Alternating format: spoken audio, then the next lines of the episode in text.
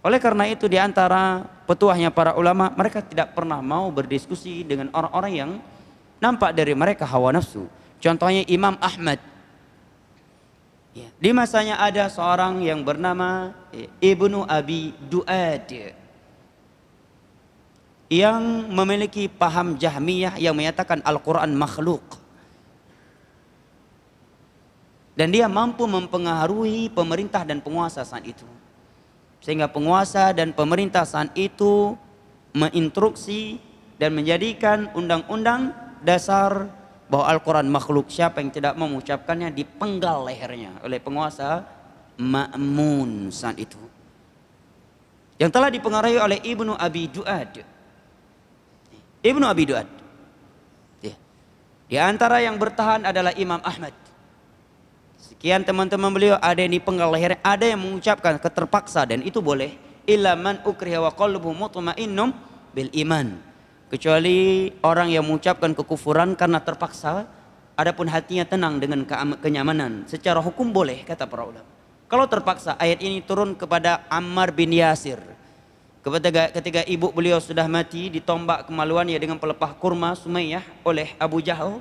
Bapaknya juga sudah mati setelah disiksa ya dan sisa beliau maka beliau dipaksa mengucapkan kalimat-kalimat kufur Nabi lewat di hadapan mereka yang sedang disiksa oleh Abu Jahal dan kawan-kawannya. Nabi hanya bisa menyatakan sabran ala Yasir fa inna mau'idakumul jannah. Bersabar wahai keluarga Yasir. Bapaknya, nama bapaknya Amr. Surga adalah janji Allah untuk kalian. Maka Amr mengucapkan, sebagian para sahabat sudah meragukan keimanan beliau.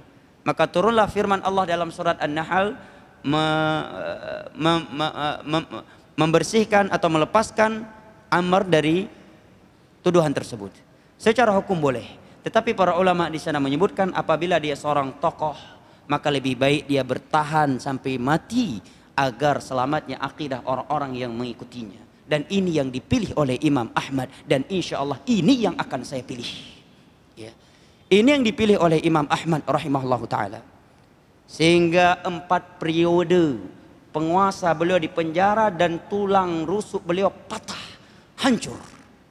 Ya. Dan beliau tidak mau berdebat dengan Ibnu Abi Duad. Sampai datang periode yang kelima. Al-Mutawakkil. Mulai dia melihat kayaknya ada kezaliman. Ya, ada ketidakseimbangan dalam masalah ini. Dia meminta dan memaksa dua orang ini berdebat. Barulah Imam Ahmad mau karena sudah ada penengahnya, sudah ada hakimnya. Ya. Maka Imam Ahmad melemparkan beberapa pertanyaan kepada Ibnu Abi Duat yang membuat dia tidak mampu menjawab dan membuat Al-Mutawakkil membela dan mengeluarkan Imam Ahmad dari penjara. Padahal Imam Ahmad sudah empat periode di penjara. Cambukan yang diberikan kepada punggung beliau disebutkan kalau diberikan kepada onta, onta yang sedang berdiri bisa jatuh tersungkur. Bayangkan tulang rusuk patah. Rupanya ada satu orang yang memotivasi beliau dalam penjara. Bukan seorang ulama, bukan seorang ustadz, bukan seorang santri. Tetapi seorang yang masuk penjara karena dia seorang peminum khamar. Bahasa kita preman. Dia yang memberi motivasi kepada Imam Ahmad dalam penjaranya. Kata dia, wahai Ahmad bin Hambal, saya masuk ke penjara dan dicambuk karena minum khamar. Tapi saya sabar. Apakah anda yang dimasukkan ke dalam penjara karena memegang berpegang teguh di atas sunnah Rasulullah? Karena ingin menyelamatkan akidah kaum muslimin anda malah tidak sabar? Saya lebih sabar maka ini yang memotivasi Imam Ahmad.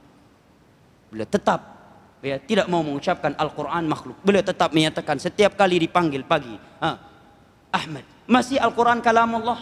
Beliau tetap menyatakan Al-Quran kalamullah ghairu makhluk Al-Quran firman Allah bukan makhluk. Dicambuk lagi dicambuk lagi. Besoknya didatangi lagi. Wahai Ahmad bin Hambal katakan Al-Quran makhluk. Beliau tetap menyatakan Al-Quran kalamullah ghairu makhluk. Sampai datang mutawakil dan meminta Imam Ahmad berdebat dengan Ibnu Abi Duad. Pertanyaan yang pertama dilemparkan oleh Imam Ahmad kepada Ibnu Abi Duad. Yang menanamkan akidah bahwa Al-Quran makhluk. Kata Imam Ahmad, apakah ucapan kamu ini dibangun di atas ayat Al-Quran? Ibnu Abi Dawud tidak bisa menjawab. Karena mana ada dalil dari Al-Quran yang menyatakan bahwa Al-Quran mak makhluk. Pertanyaan yang kedua, adakah satu hadis Nabi yang sahih yang menjadi pegangan engkau bahwa Al-Quran itu makhluk? Dia juga tidak bisa menjawab. Setelah itu Imam Ahmad menyatakan, adakah ucapan para sahabat Nabi yang bisa menjadi dalil bagi engkau bahwa Al-Quran itu makhluk? Dia juga tidak bisa menjawab. Maka Imam Ahmad menyatakan, tiga ini yang merupakan sumber hukum di dalam Islam tidak menyatakan apa yang Anda katakan. Anda lebih benar ataukah tiga ini lebih benar? Maka mutawakil yang punya akal sehat bisa menilai. Ini jelas pegangannya Al-Quran, hadis dan pemahaman para sahabat Nabi. Maka dia balik arah. Imam Ahmad dimuliakan. Ya, memuliakan dan dia meminta ke Imam Ahmad, siapa yang mencambukmu, saya cambuk balik pasukan-pasukan itu.